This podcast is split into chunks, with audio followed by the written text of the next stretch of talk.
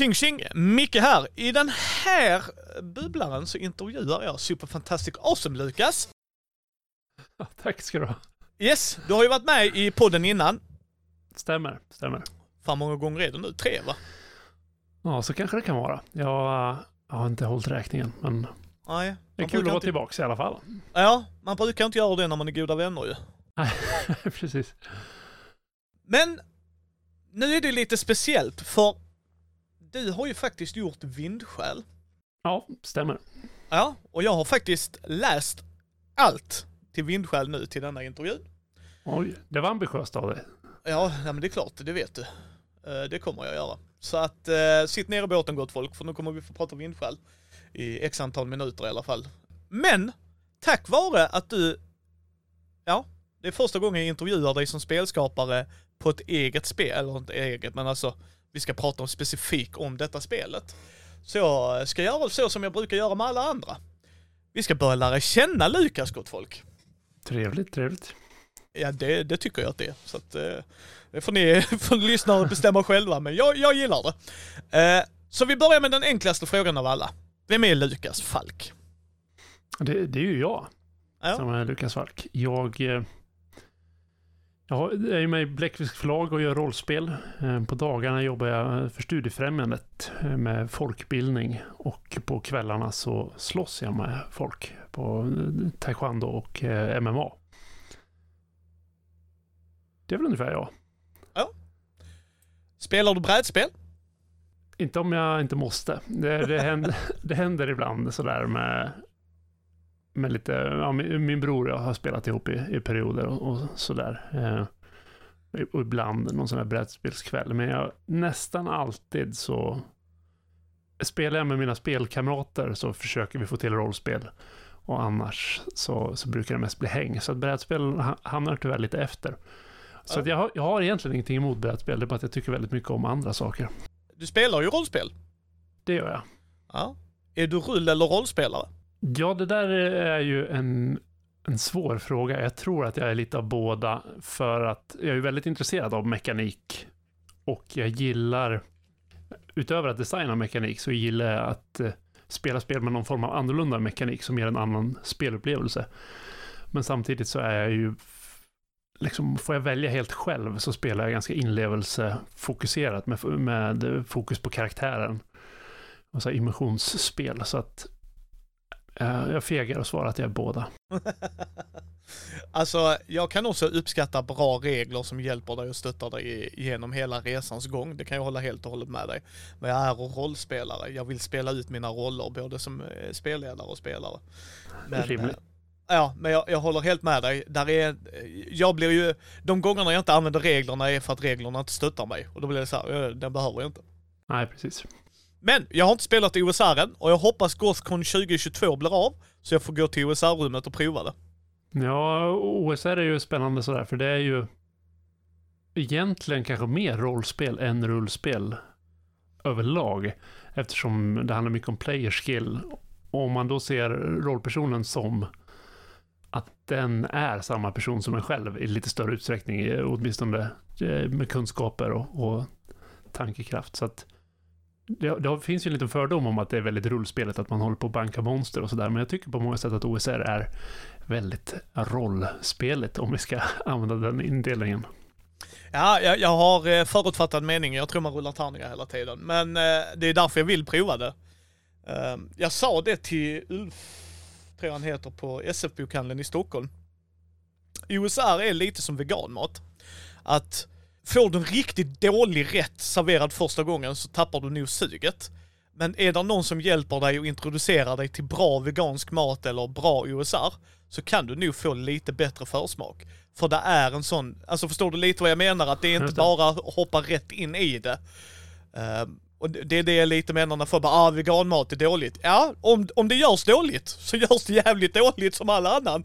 Men, men det är samma med OSR, förstår du inte grejen så ja. Då, då kan du... Jag tror att det gäller också så här indie-flubbspel. Yes, Eh, Det kan absolut, samma liknelse till det, det kan jag hålla helt och hållet med dig. Jag blev ju introducerad till OSR av Johan Nor som har gjort uh, Mörkborg och Barkhäxan. Eh, kanske främst hjälpt till med formgivning på, men, men eh, jag, jag var väldigt tacksam för den introduktionen i alla fall. Så att jag äter både väldigt mycket vegansk mat och har, har inget personligt emot OSR. Nej men det förstod du lite vad jag menar, att det är en sån här... Nu ska jag säga, för en traddrollspelare ska också tilläggas. Är, är du helt ny så spelar det nog ingen roll egentligen. Det är Men sant. går du, går du från en traditionell, då är det liksom så här. jag har ätit kött hela livet, hatar vegansk, men ah, du, du har nog ätit dåligt. Så prova Ja. bra mat istället. Och, men och också mycket har med förväntningar att göra och vad man jämför med. Eh, jag vet, jag försökte introducera min farsgubbe till eh, vegetariska hamburgare. Eh, så att då åt han först en vanlig hamburgare. Och sen var han i princip mätt, men sen skulle han smaka en vegetarisk hamburgare och eh, då sa han nej, det var inte lika bra. Eh, Oh, shit. och och då, då kan man tycka så här, då har man inte eh, gett sig in med rätt eh, förväntningar om, om den liksom ska toppa, om andra hamburgaren ska toppa den första och om vegetariska ska smaka kött. Så att jag tror med OSR idag, ger man sig in med in, inställningen att jag kommer troligtvis dö och eh, jag, ska- jag ska liksom försöka överlista spelet. Då tror jag man kan ha ganska roligt. Och samma indieflum, om man ger sig in med inställningen att jag ska vinna spelet, då tror jag inte man har roligt. Så att Detta ska jag försöka spela i helgen. Ribbon Drive, va? Vad, Ja. vet jag inte vad det är för någonting. Man ska göra en playlist och man ska ut på en roadtrip. Så jag ska till Jossan och Micke från Rollspelsdags, som också är med i Mindy nu. Eh, och detta vill jag spela med dem, för jag håller helt med dig. Ni har ju öppnat upp uh, från Fummelpodden då ska sägas, öppnade ju upp mina ögon för indie. För jag, Ja. Vad roligt. Ja, ja, nej men alltså. Jag älskar tradd på ett sätt. Jag är alltid en traddspelare på många sätt och vis. Men där är en sån jävla skön känsla av typ ett indiespel och bara rensa paletten emellanåt. Att, liksom hänger du med? Det är så jag spelar dem också egentligen. Jag är ju väldigt traditionellt äventyrlig eh, i mitt vardagsrollspelande. Men sen eh, ibland, om det är någon spelare som inte dyker upp eller om man är på ett konvent och, och ska köra en one-shot, då tycker jag det är väldigt göttigt att, att flumma till lite. Mm. Och, det, och där, där som du säger, man har ju förväntningen att det ska bli flum, att det får bli galet och inte, alltså jag menar fiasko i all ära, jag tycker fortfarande det är bra på många sätt och vis och vi har spelat det två gånger. Eh, Bloodfeud var ju fantastiskt. Alltså det var ju bara mind blown. Ja, vad kul. Ja, nej men alltså, och det var ju så här bra take on it. Nej. Men, är du hellre spelare eller spelledare? För jag vet att du har turen att kunna vara bägge ibland. Jag är så extremt mycket hellre spelare. Eh, jag vet inte, jag, jag har en, Alltså. någon sån här hatrelation till spelledande. Eh, och enda anledningen till att jag spelleder är för att jag får idéer. Och för att eh, jag tänker, ja men det här, det här, egentligen spelleder jag också Palette Cleanser. Att vi, vi har de andra som, som kanske tycker mer om att spelleda. Och sen vill de ta en liten paus och då hoppar jag in och spelleder någonting. Men, men får jag välja så spelar jag alla dagar i veckan tror jag. Där är jag, där fegar jag. Jag älskar att vara bägge. Ja. Eh, Men, men jag är ju samma som dig eh, och jag har sagt det till Amanda och Heidi. De har ju fått tillbaka min spelledarglöd för att de är så, alltså vi, vi, vi, vi spelar som fan. Jag tycker det är ett bra spel, bra flyt. Och som Kul. allt annat. Ja, men då är som allt annat så blir det ju bättre. Men eh, jag pratade ju med någon som frågade mig liksom eh, hur, hur jag tänker när jag gör, alltså så här, jag skriver ju eget oftast, spelar oftast eget. Ehm, men då har jag ju sagt det, för mig är det som du säger, jag får en idé och en tanke. Oh, det här vill jag, det här är en cool bossfight mot Lukas. Det här är en grej, alltså förstår du vad jag vill göra? Eller den här känslan vill jag få fram. Lukas har spelat sin karaktär på det här hållet. Eh, Mikael Bergström har något sånt här citat han brukar dra med att han skulle sluta skriva rollspel om man bara visste hur. Eh, och jag är lite, lite eh, likadan med att spelleda tror jag. Ja. Vad är din favoritmekanik i ett rollspel? Det var en bra fråga. Jag är väldigt fäst överlag vid att spelarna slår, inte alla slag, men slår alla handlingsslag. Eh, så, så att eh, i traditionellt Drakar och Demoner så, eh, eller Dungeons and Dragons så har du liksom, man slår sin aktiva handling som spelare och sen slår eh, spelledaren motståndarnas handlingar. Eh, och jag föredrar mycket hellre till exempel Mörkborg gör så, eh, och Vindskäll, eh, Blaze of the Dark och många andra spel, att det är eh, spelarna som slår även motståndarnas slag, fast inverterat, så att de slår för att försvara sig mot motståndarna. Som i skrumt. Uh, ja, precis. Det, är också, det, det, kan ha varit jag som tjatade på Kristoffer att göra om uh, den mekaniken så. Så att gillar man inte det så är, så är det mitt ja, Jag älskar det. Du vet vad jag tycker om skrunt ju, men, men jag håller helt med dig. Uh, så att det är ju en ganska ska säga, abstrakt mekanik, men det, om ett spel har den mekaniken så är jag omedelbart lite mer positivt inställd till det, för att jag känner mig mer delaktig som spelare. Och när jag spelleder så slipper jag hålla på hålla koll på lika mycket värden. Ja, precis. Keeping. Ja, jag håller helt och hållet med dig. Att det är en sån grej som får ut öppna ögonen direkt när jag tittade på Vindskäl så bara, då har man ju redan ser jag. Jajebox. det är bra. Foten i dörren. Ja, ja, ja, nej men det håller jag helt med dig om. Och, um, eller spel där du slår en till två D6or. Det vill jag ge Robert en shoutout också. För det är det så här, det är inte ett poolbyggare, det är två D6or, that's it. Man bara, respekt för detta. Det, det, har jag också, alltså för det är också mindre bookkeeping egentligen. Det är bara det så här. det är 20 och sen ska vi slå 78 skador, där, där zonar jag ut för länge sedan. Ja, det är ju som alltid en smaksak. Men, men jag är ja. väldigt fäst vid den här känslan av att vara aktiv som, som spelare och, och, och indirekt som rollperson på något sätt. Tycker jag är mysig. Såklart. Each to its own. Där är ju folk som älskar att rulla. Jag är ju gammal orkspelare så jag, jag har ju rullat mina hinkar med tärningar i 40k. Ja. Så blir det den klassiska fan-out, vi måste hitta femmor och sexor. Just det. uh, men vad är en mekanik du inte gillar i rollspel? Som du känner, det här är bara big fucking no-no? Jag gillar inte mekanik där utfallet blir uh, nej. Uh, alltså, om, om jag beskriver en handling eller har någon idé och det enda jag får tillbaka är nope. Och sen är det stopp liksom. Uh, det, det har jag svårt för. Det går, jag har spelat med väldigt många människor och, och, jag är inte helt inkompetent själv, så att man kan liksom rädda det på något sätt. Men jag tycker att det är en snyggare mekanik när det är inbyggt på något sätt. att det som händer, det, det kan hända att allting går åt skogen, men du får någonting tillbaks av spelets mekanik i alla fall från slaget. Så, så eh, rent så binära slag kanske är min minst uppskattade mekanik, där det antingen blir ja eller nej på det någon precis har sagt istället för att det blir jag tycker mycket om sådana här ja men eller nej mm. och grejer. Ja, jag håller helt med dig där. Där är det, jag hade en lång diskussion med Martin, en av mina bästa vänner, där han menade på liksom, ja men du vet, spelledaren kan ju, för vi pratade om, jag gillar ju inte DND, jag älskar vad du har gjort för hobbyn och det och förstår att folk älskar det, men för mig är det så här, hej fantasy, eh, D20-system, eh, men, men som jag sa, som spelare så som jag spelleder nu och det, så får jag inte stöttning och backning som spelledare framförallt. Och då, ja men du kan ju göra det som spelledare. Så bara, ja fast varför ska jag lägga till mekaniker? När jag kan då i så fall hitta ett annat system som je, je, redan stöttar mig. Mm. Uh, alltså förstår du vad jag menar? Så jag håller helt och hållet med dig där att när, när spelet säger bara ja, nej, så bara mm, nej, då kan vara bra kanske, men jag är också lite så här. jag vill, Ja, jag vet inte. Jag, jag kanske är för snäll spelledare. Jag vill inte ond som Robert Jonsson ond, men... Nej, jag, du, där säger du någonting. Det kan vara anledningen till att jag också föredrar det. Att, eh, att jag inte tycker om att vara så elak som spelledare. Men om reglerna säger åt mig att och nu kommer någonting åt skogen. Det blir betydligt värre än de trodde. Då, då är det inte mitt fel, då är det reglernas fel. Och, och jag tycker att det är roligt att bli utsatt för det som spelare. Så att jag utsätter gärna spelare för det, men jag har det inte riktigt i mig. Så det är bra att systemet hjälper mig. Vad är ditt favoritspel, rollspel just nu?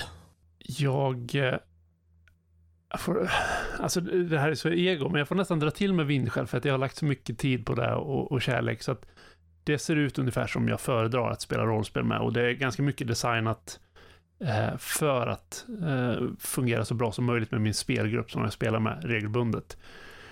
Så att det är nog mitt favoritrollspel just nu, för det är det jag spelar aktivt. Mm. Men, eh, men det i sin tur har ju massa influenser från eh, Blades in the Dark som jag tycker har många coola grejer. Eh, Apocalypse World har ju också lånat inspiration från lite från Fria Ligans spel och sådär. Mm. Så att eh, Ja. ah, det, är, det är en kul, kul tid att vara rollspelsaktiv för det finns massa coola grejer. Men, men det är Jag väl vet så här inte. Spel, Jag vet inte. Nej, precis. Jag ser det bakom dig. Ett helt, ett helt hus gjort av rollspelsböcker. Eh, men det är väl eh, det som är förbannelsen på något sätt när man börjar ge sig in på speldesign själv. Att man tycker bäst om sina egna barn och man kan aldrig riktigt titta på ett spel och tänka att ah, ja, men det här är bra. Utan man börjar alltid fundera på eh, att göra om det på något sätt. Och då, ens eget spel får man göra om som man själv vill från början. Ja, det är rätt. Då eh, hoppar vi rätt in i frågorna nu tycker jag. Eh, det är ju vindskäl. Hur lång tid tog det innan det kom i... Från det du började till där vi är idag? Det, det är svårt att svara på för att jag, jag började, det är kanske tio år sedan nu, med en spelidé som, som jag jobbade och slet med och utsatte min spelgrupp för och, och det lossnade aldrig riktigt. Och det fick massa så här blindtarmar från tidigare versioner av det spelet som inte tillförde någonting utan bara var störande. Och, och i slutändan så, så tänkte jag att jag- lägger ner allt. Jag slänger allt som jag skrivit. Eh, värld, eh, spelmekanik, allting. Och sen funderar på vad var det jag egentligen ville åstadkomma med det här från början. Och så gör jag ett nytt spel eh, på det. Eh, och det var väl kanske tre, fyra år sedan eller något sånt där. Eh, och Vindskäl släppte, ja, var ju färdigskrivet för kanske något år sedan. Så, att, så två, tre år kanske det tog. Ja. För var kommer namnet vindskäl ifrån? Jag vet vad det betyder i världen. Alltså så att du är en Ja. resande liksom äventyrare. Vissa använder det som ett skällsord, de har tagit åt sig det. Men det har ju härstammat ifrån dig ju. Liksom. All powerful gud Lukas ju. Så.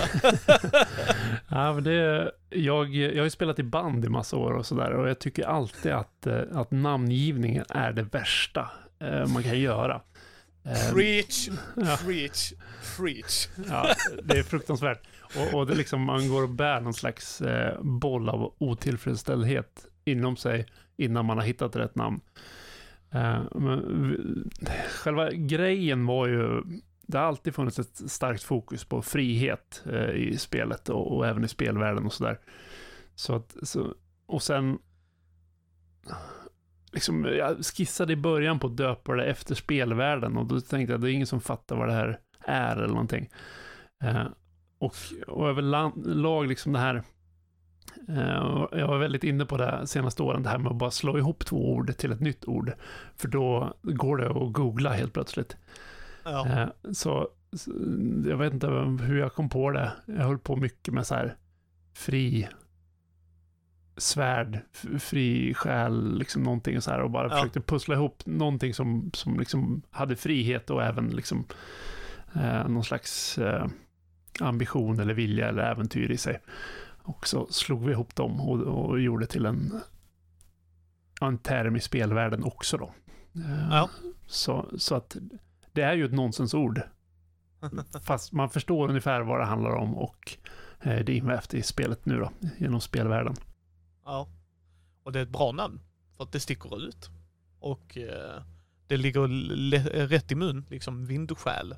Så att, eh, bra gjort. Tack. Sen, sen var det ju en egenhet på att allting skulle vara pamfletter. Ja. Eh, jag, jag brukar säga, har du tittat på Battlestar Galactica, den nyare serien, inte den från 80-talet? Ah, nej, det har jag nog helt missat faktiskt. Ja, eh, se den för övrigt. Rätt Okej. cool sci-fi. Det är typ en av få jag se, har sett. Eh, men där klippte de alla hörn på alla foton, alla papper och allt. Okej. Och när, när, de, så här, när man tittar på så här behind the scene, för jag köpte dem på DVD, så har du så här, du vet så här production manager, alltså det är han som har hand om alltså bara, de ångrar sig bittert efter första säsongen, att de måste sitta och klippa alla, du vet så här, de har inte hörn som vi har. Ah, Så här i hindsight, varför pamfletter och är du fortfarande nöjd med det formatet?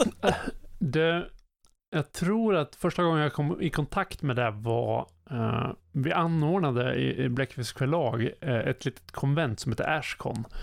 Som var, riktade sig till spelskapare. Så konceptet var att vi bjöd in svenska spelskapare och så skulle vi speltesta varandras spel eh, Mm. under en helg och ge varandra liksom speldesigner feedback på dem.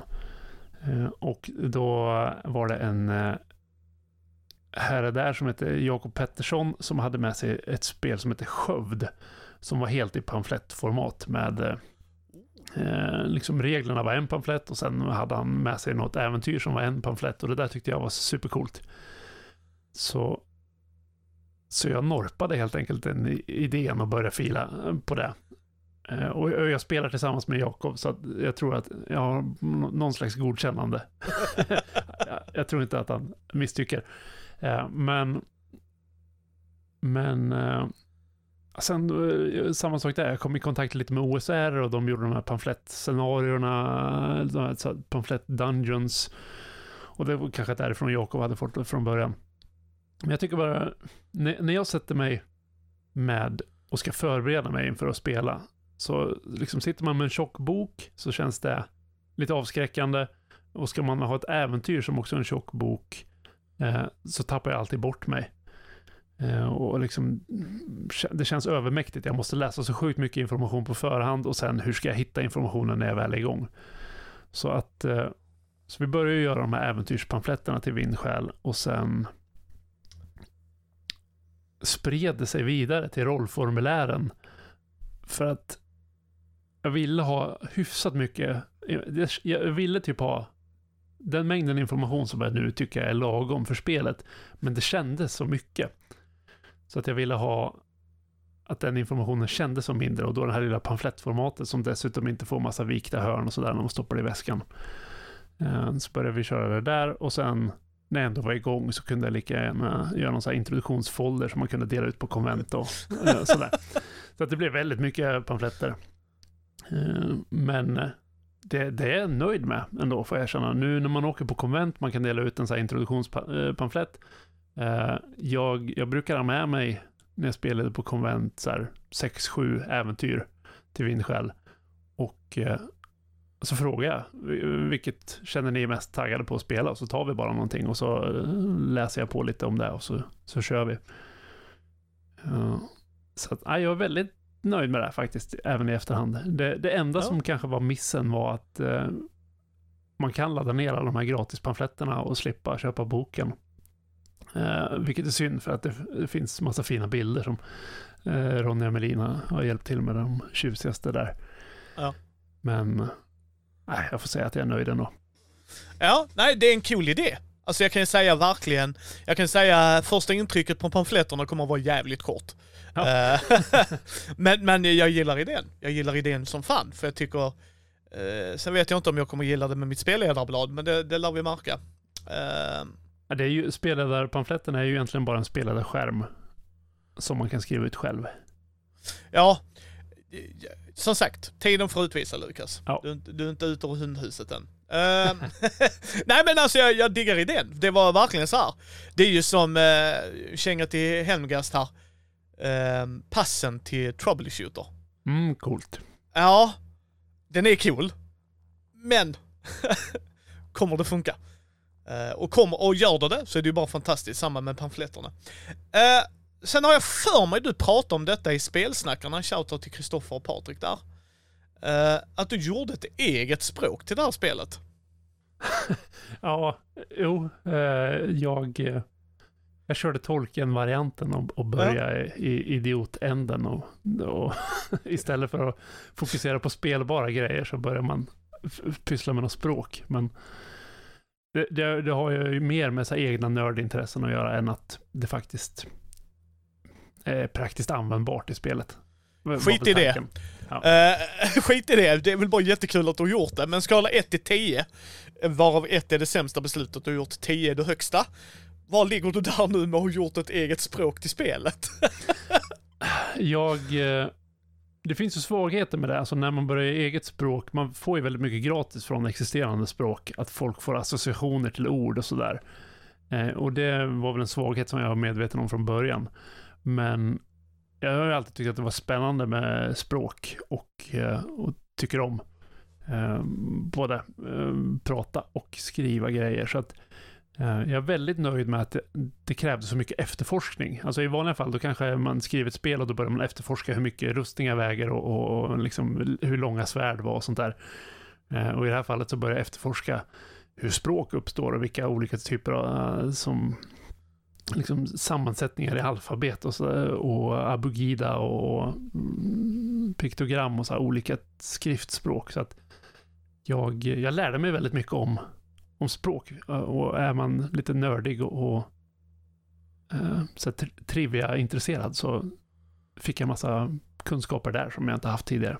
Så jag är nöjd. Ja, ja, ja, nej, nej, jag bara all heder till dig. För eftersom jag suger i text kan du tänka sig att Micke skulle hitta... Det hade blivit som Peter Griffin i Family Guy när han tror att han kan prata italienska för att han har mustasch. Bappidi boppidi! Så bara, no! det, nej, det funkar liksom inte. Så all heder till dig, all heder Jag, till jag är dig. ju ingen expert på språk heller, men, men det var ett kul experiment då i alla fall. Stämmer detta? Att du har gömt det i, i titlar och sånt? Alltså i, i layouten? Mm, gömt och gömt. Det, är, det här är ett litet fusk som vi har eh, i Bläckfisk förlag överlag. Att vi, vi, när vi inte har, råd med fler bilder, eller liksom när det är för små ytor för att fylla med en bild, så hittar vi på något annat att göra där. Så, så Vindskäl har liksom relaterade texter på, eh, på Eurane, som är det här språket då. Ehm, där det kanske, ja, säg, säg att det är en, en eh, ett kapitel om vindsjälar och så är det en liten lucka där det annars hade blivit liksom en ful vit yta. Så står det vindsjäl fast på, eh, på Jorana där. I skrömt så är det massa gamla folktro-redogörelser i, i handskrift. I eh, Bloodfeud så är det eh, sådana här snirkliga runskrifts eh, eller runstensinskriptioner. Ja, det är smart. Smart Ja, som fan. Det, det, det fyller ut layouten lite grann. Ja. När kommer vi få boken så att vi kan lära oss det språket då? ja, jag tänker väl att det är väl kanske fem personer som är intresserade av det. Jag har haft, Ah! ha- haft några som, som eh, har bett mig om lexikon som jag faktiskt har skickat till dem. Eh, Ja. med med eh, ja, 700-800 ord eller vad det är uppe i. Eh, och det är några som har bett om, om liksom skriftspråket så att de kan skriva egna grejer. Så någon gång kanske. Men, men jag tycker Ja. på något sätt, eh, som sagt, det var ju tanken att göra det som en kul grej. Eh, för att ge världen lite extra Flavor. Ja, precis. Att, att världen känns extra påtaglig. Och för att jag tyckte att det var spännande. Men i övrigt så känner jag med vindskäl att det har varit roligast att fokusera på just många äventyr. Jag tror, vi släppte ju spelet i, i våras. Och jag tror vi är uppe i, i 25 eller 30 äventyr till det sen dess då. Eh, nu har vi inte hunnit släppa alla än, men det är 25 äventyr som är färdiga tror jag och, och sen ytterligare eh, 5-10 som, som är snudd på färdiga. Eh, Och det tycker jag på något sätt, det är verkligen content som man kan använda. Antingen så läser man eh, någonting, något äventyr som jag har skrivit och tycker det här var dåligt, det här kan jag göra mycket bättre själv, men då har man ändå byggstenarna eller ser liksom hur man har tänkt. Eh, och sen har vi haft massa externa skribenter som har skrivit grejer och då får man en helt annan eller helt annan, men man, man får mycket bredare perspektiv på spelvärlden och på spelet när andra kommer in med sina idéer så att det inte bara är jag som eh, ska berätta hur allt ska vara på något sätt.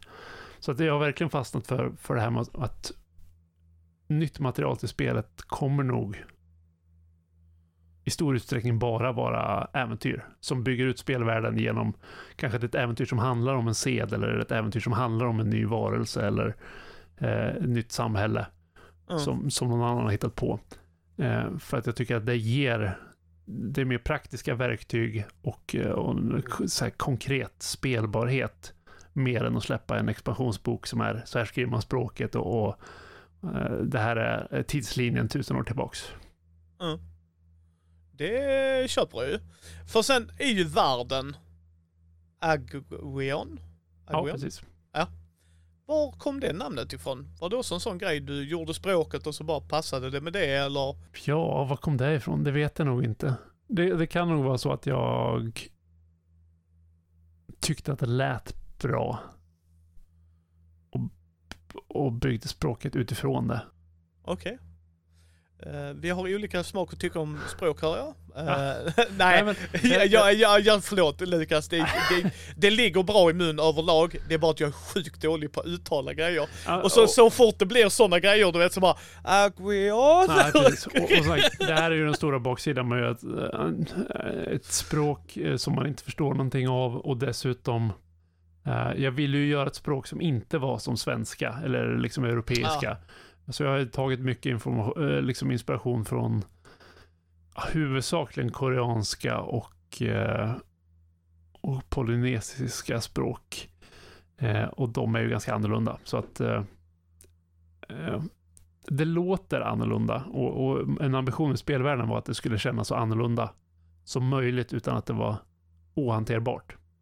Ja. Men en bieffekt av det är ju att det är svårt att uttala, det är svårt att liksom koppla grejer för man vet inte vad någonting betyder. Eh, så att det är en stor baksida. Men jag tycker att det är lite charmigt också. Ja, det är det. Alltså du fångar ju känslan. När jag uttalar ordet fel så inser jag varför liksom. Eh, det är liksom eh, mycket mysigt för man är ju på en ö, eller flera öar kan det ju vara, men där, är ju en stor ö som är omgärdat av eh, ja, vad var det, kosmiska vindar och Thingamabob Doohickey. Eh, hur kom den platsen till? För det är ju att de kommer utifrån stormarna in till den här eh, origin storyn. Mm. Eh, det är också lite så här, vad ska man säga, efterhandskonstruerat eller bakomvänt konstruerat. Eh, jag... Det är samma sak där, när man, när man får en, en hel spelvärld att utforska och avstånden blir väldigt långa och det ska skrivas jättemånga detaljerade kulturer och det blir en så här överväldigande mycket information. Så jag hade en ambition att jag ville att det här skulle vara en väldigt spelbar värld i avseendet Eftersom jag inte valde att göra en spelvärld i att, att ha så här tydliga troper och, och bekant språk så ville jag göra en spelbar i eh, liksom mängden information som fanns på något sätt. Och då genom att isolera det till en ö, då behöver man inte göra resten av världen. Helt Eh, rätt. Och, och samma sak där då, att då finns alla intressanta platser på den här ön. Så att det är, ja, ni reser en vecka genom djungeln eller eh, en vecka över bergen. Inte, okej nu ska vi spela tre månaders resa till Ja. ett annat land liksom. Nej, det, det är smart. Det är, och jag tycker du eh, fångade så in i helvete med, alltså hela boken är ett masterpiece, kan jag ju säga till det. Vad fint, tack så jättemycket. Och sen det här med stormarna, det var väl... Alltså, det, det behövs en förklaring till varför man inte bara åker båt. Yes. Och sen blev det som en liten lyckoträff att jag vill, tyckte att det var coolt att ha två månar. Och så läste Ja. jag på lite om månar och, och, och märkte att har man flera månar så blir tidvattnet lite stökigare och det, och det blir blåsigare och sådär. Så att då tänkte jag, då, då finns det förklaring på det också. Ja, och jag, jag tycker det är nice. Där är ju principer i det här spelet. Och var kommer de ifrån? Det kommer nog mycket från indie-flumhållet med typ Apocalypse World bygger väldigt mycket på principer. Och jag tycker att det är ett bra verktyg att förmedla de viktiga grejerna i spelet. Alltså, det här är det här är receptet för att ha en bra spelupplevelse enligt vad det här spelet är tänkt att vara. Eh, och de här principerna är ju saker som eh, som att liksom försöka göra världen eh, färgstark och levande. Att, att samar- eller liksom arbeta tillsammans snarare än att motverka varandra och, och sådana här saker som inte alls behöver stämma. Eh, spelar man Mörk Borg ska världen absolut inte kännas färgstark och levande. Den ska kännas becksvart och död. Eh, ska man eh, spela Paranoia ska man inte alls samarbeta istället för att sam- arbeta mot varandra. Utan det här är liksom inte unika, men specifika principer för vindskäl. Ja, det var, det var en fröjd att läsa. Det är så här jävla... Men, men sen fuskar du Lukas, du är en trevlig kille från början ju. Så att, cheating där ju. Eh, nej men jag, jag, gillar det för det sätter tonen direkt. För det är en grej jag kan störa mig på om jag läser en bok eller om jag, alltså det är så här. Så kommer man halvvägs och bara vänta, jag gillar ju inte den här skiten ens. Alltså hänger du med? Alltså bara, Ja. det här var ju inte det jag ville ha. Men kommer det i början, detta är en, eh, i böcker kanske det är lite svårt, men just i rollspelsböcker. Det här är ett teatraliskt spel, ja okej, det är inte det jag är intresserad av, nästa. Det är fine liksom. Men Jag, jag hoppas att ifall man inte vill ha en liksom, färgstark spelvärld så blir man väldigt avskräckt av omslaget. Ja, ja abs- absolut. Men, men ibland så kan man ju, det är därför jag gör mina videos ju, så att folk som är lite on the fence kan gå in och titta och så för, aha Mm. okej, det är ett färgstarkt rollspel, det här är varför. Och det är därför som jag säger, det är där första intrycket kommer ifrån, liksom att jag vill kunna ge dem den chansen. För-. Och, det, och som sagt, det finns ju en ganska stark eh, influens från just de här indiespelen i att de ofta handlar om en extremt specifik grej och de Yes. försöker inte göra allt. Vindfäll är ju ganska mycket traditionellt rollspel i vad det handlar om. Man äventyrar, man utforskar en värld. Det finns en spelledare, man slår färdighetsslag. Eh, men jag ville ändå, man gör inte allt i Vindskäl. Man spelar Nej. kanske inte skräckscenarion, man eh, spelar inte politiska intriger på samma sätt, utan man, man äventyrar i en värld som eh, är positiv på något sätt. Ja, och sen har man ju förmågor. Och förmågor är också väldigt speciellt. Eh, och inte alltid lätt att, ja, inte alla lyckas. Men hur kom du fram till dina förmågor? Hur kom de? Liksom? Ja, det, som du säger, det här med förmågor, det är lätt att det blir... Du, du får plus ett på dina tärningslag under den här omständigheten.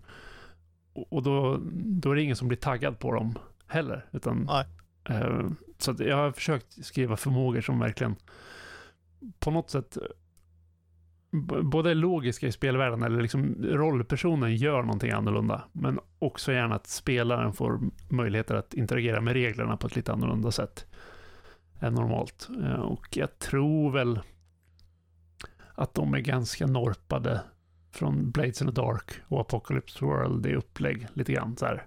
Att det handlar mycket om att man, man, man modifierar lite eh, hur man interagerar med reglerna snarare än att bara ge modifikationer. Alltså jag håller med dig. Det finns inget tråkigare än ett spel. Du får plus två. Jaha, Ja. vad spännande. Sen, sen snackar vi inte fint här, för det, de två plussen, woo! Ja.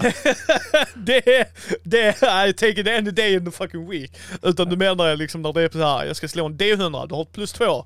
Yay! Ja, just Ehm, så är det ju. Eh, om du pratar om själva grundstommen, för jag tror du gör det bättre än jag, till själva regelmotorn. Vad är det för typ av regelmotor du har i Vindskäl? Och hur kom den idén fram? Den, vi var inne på, på det här med favoritmekaniker och mekaniker man inte gillar. Eh, och jag tror att själva incitamentet till mekaniken från början var att i, när jag spelade traditionella spel som eh, Drakar och Demoner och, och Dungeons and Dragons så kände jag mig ofta begränsad i vad jag fick göra för typ av handlingar. För att det finns massa eh, feats och färdigheter och, och, och regler med avstånd man kan röra sig och, och specialhandlingar som, som i princip säger att det där kan du inte göra än för du har inte låst upp den möjligheten eller eh, det, där, det där är ett sämre val för att din spark gör fyra skada, eh, T4 skada medan ditt svärd gör T8 liksom.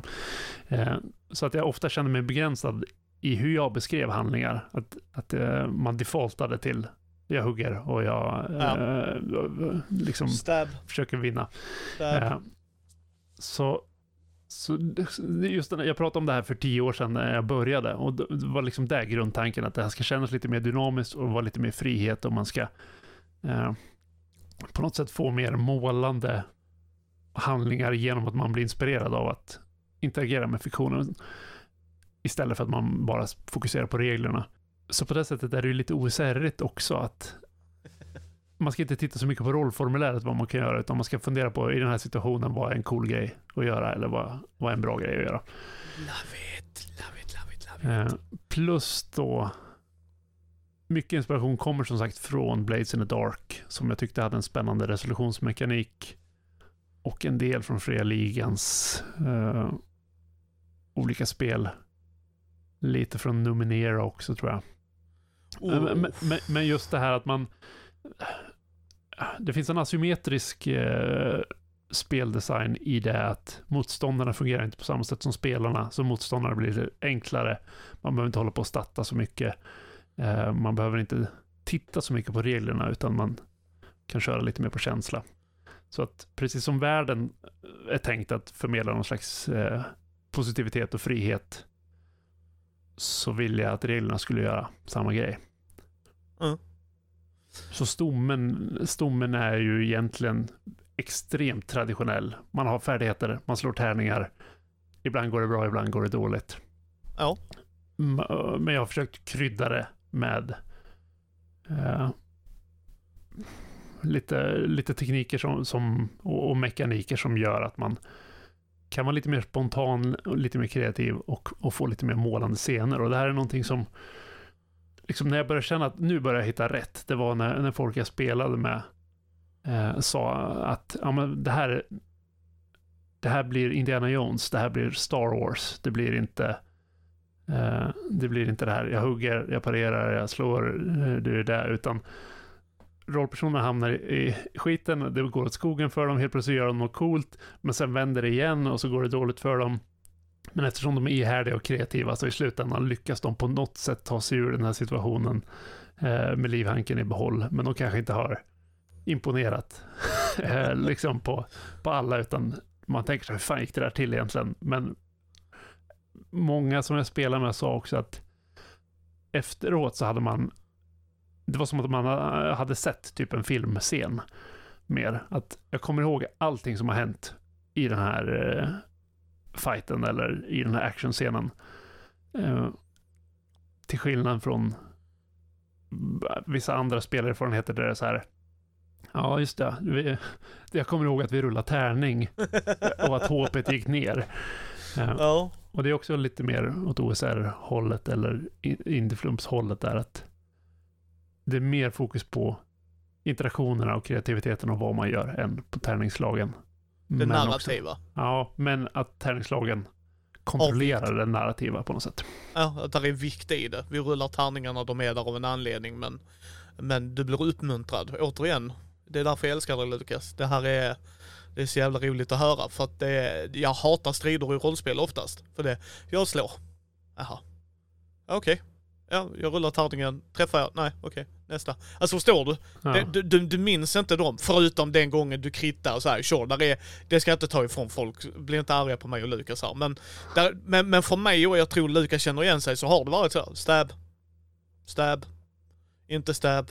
Nu fick jag dubbel Alltså du vet så här. Man, och du kan vara engagerad i stunden, alltså för att du positionerar dig, du vill vinna striden, det köper jag. Men Mm. efteråt så är det ju inte så här, ja vad hände? Ja, jag, jag vann.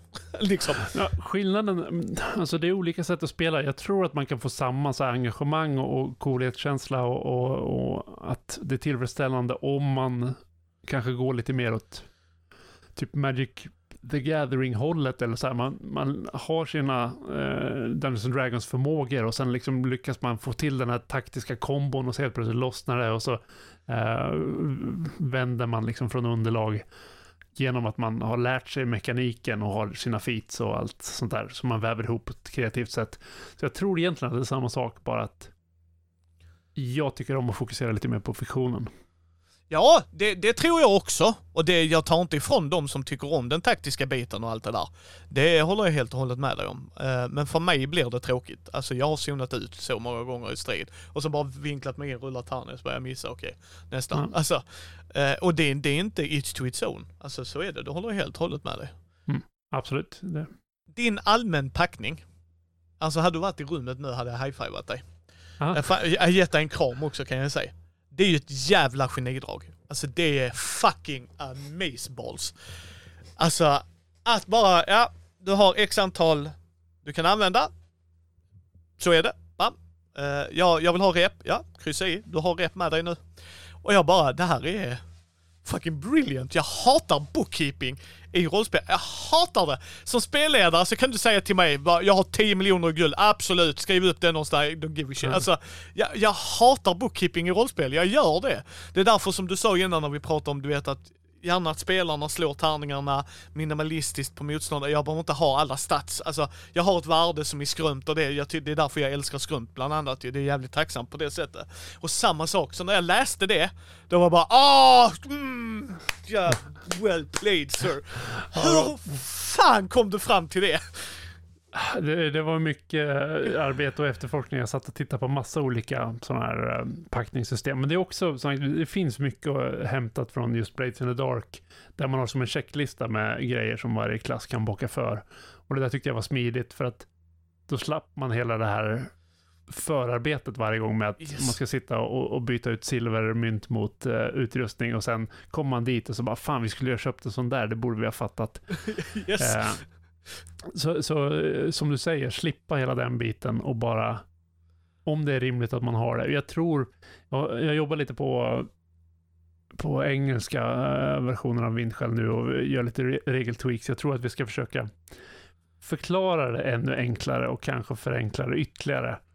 Eh, jag är nöjd med hur, hur det funkar i praktiken, men jag är inte så nöjd med hur texten ser ut för att den är lite jag hade, jag hade svårt att beskriva det där på ett lika enkelt sätt som jag eh, tycker att det är när man spelar. Ja, men jag kan säga själva idén är fucking genialisk. Genialisk så in i helvete. För just som du säger, så bara, vi varnar äventyrare. Glömde du enterhaken? Man bara, nej det gjorde de inte, de var fucking jävla. Och så bara klicka, nej, nej, bara det. Ja, vad kul. Och sådär, jag kan inte ta på mig så mycket ära för det, för att det är massa andra spel jag har snott ifrån. Men jag tycker att det är en smidig grej. eh, Just för att fokusera på det som är, är roligt. Jag tycker du ska sluta vara ödmjuk Lukas. nej, det är jättebra. Men, men, men Min jag... ödmjukhet är ju eh, världsklass, kan Yes. vi säga. Nej, jag tycker det är jättebra att du säger att du har fått det från någon annan, men att du implementerar det gör det fortfarande till ett genidrag tycker jag. Alltså det är verkligen, eh, bara för att du lånar från alla så menas ju inte det att det blir bra i slutändan. Och du har ju lyckats paketera det. Ja, Sen- Tack så mycket. Ja, sen, sen tradspelaren, nu får ni sitta ner i båten, för här är en XP-bit som inte är som traditionella rollspel, ska jag informera er. Eh, vilket är också sant, när jag satt och läste så man bara, alltså Lukas varför bor inte du närmare mig? eh, det är ju att man, eh, Vindskäl är ett färgglatt rollspel som du sa, hands down. Både på illustrationen, alltså du ser det. Alltså om du, om du, om du tar upp Vindskäl-boken och tänker här ska jag spela Dark and Gritty. All heder till dig att du lyckas, till att börja med. Men det är även med XP-biten att det är en peppande miljö. Åh vad cool idé! Ding! Fantastiskt bra gjort! Ding! Alltså att man peppar varann. För mig känns det som en morot till spelarna.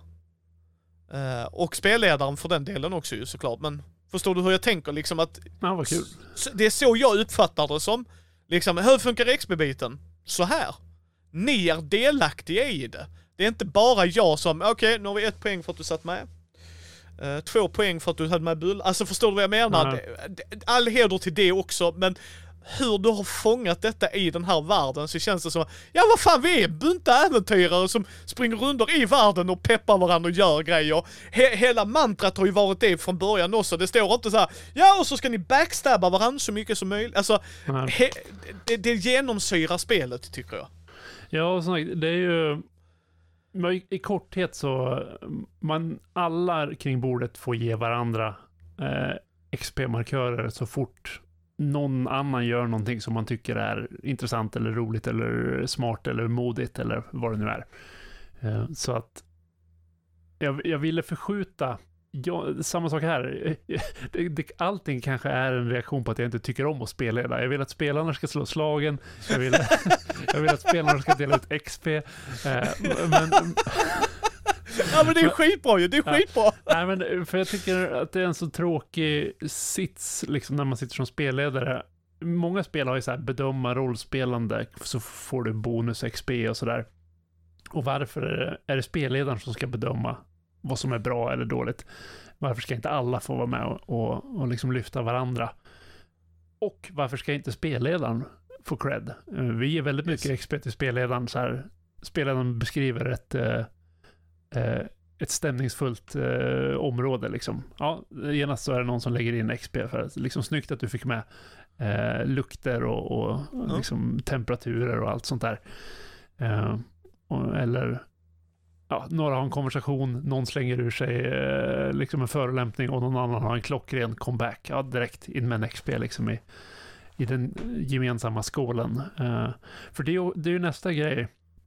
Om man gillar att min maxa så, så är det ju inte helt eh, byggt för det. För att när man ger någon annan en XP så får man själv en XP också.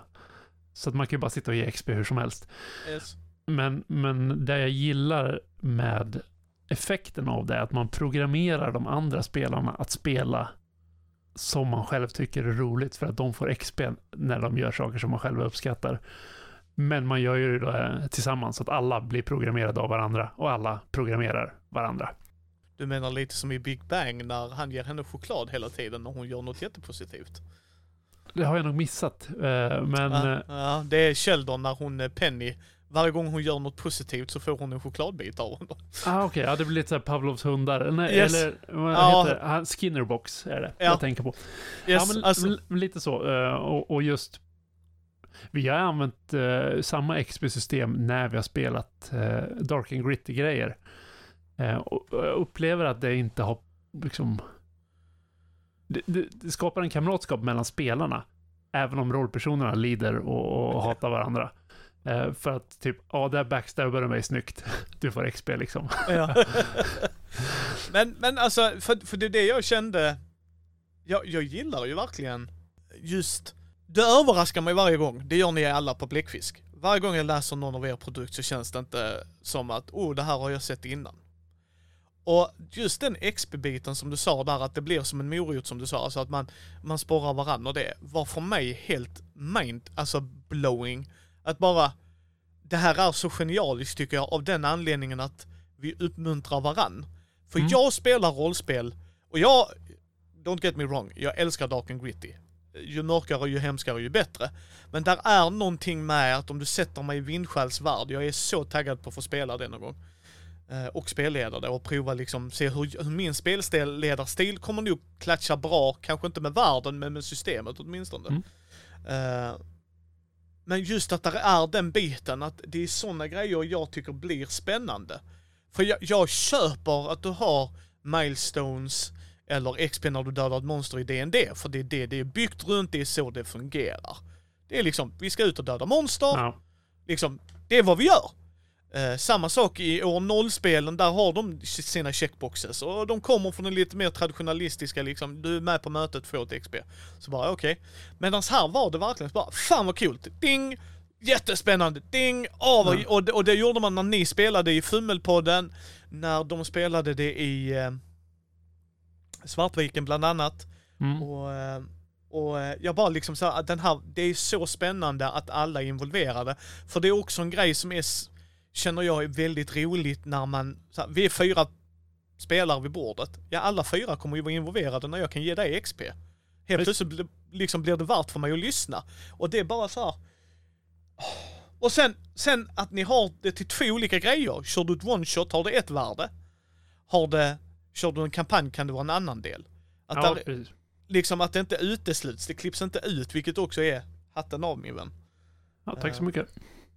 Ja, det, det är väl kanske en av de grejerna jag är mest nöjd med. Eh, just för att det, det är svårt att, att få det att slå fel. Alla som jag har testat det med har typ blivit lite bättre vänner.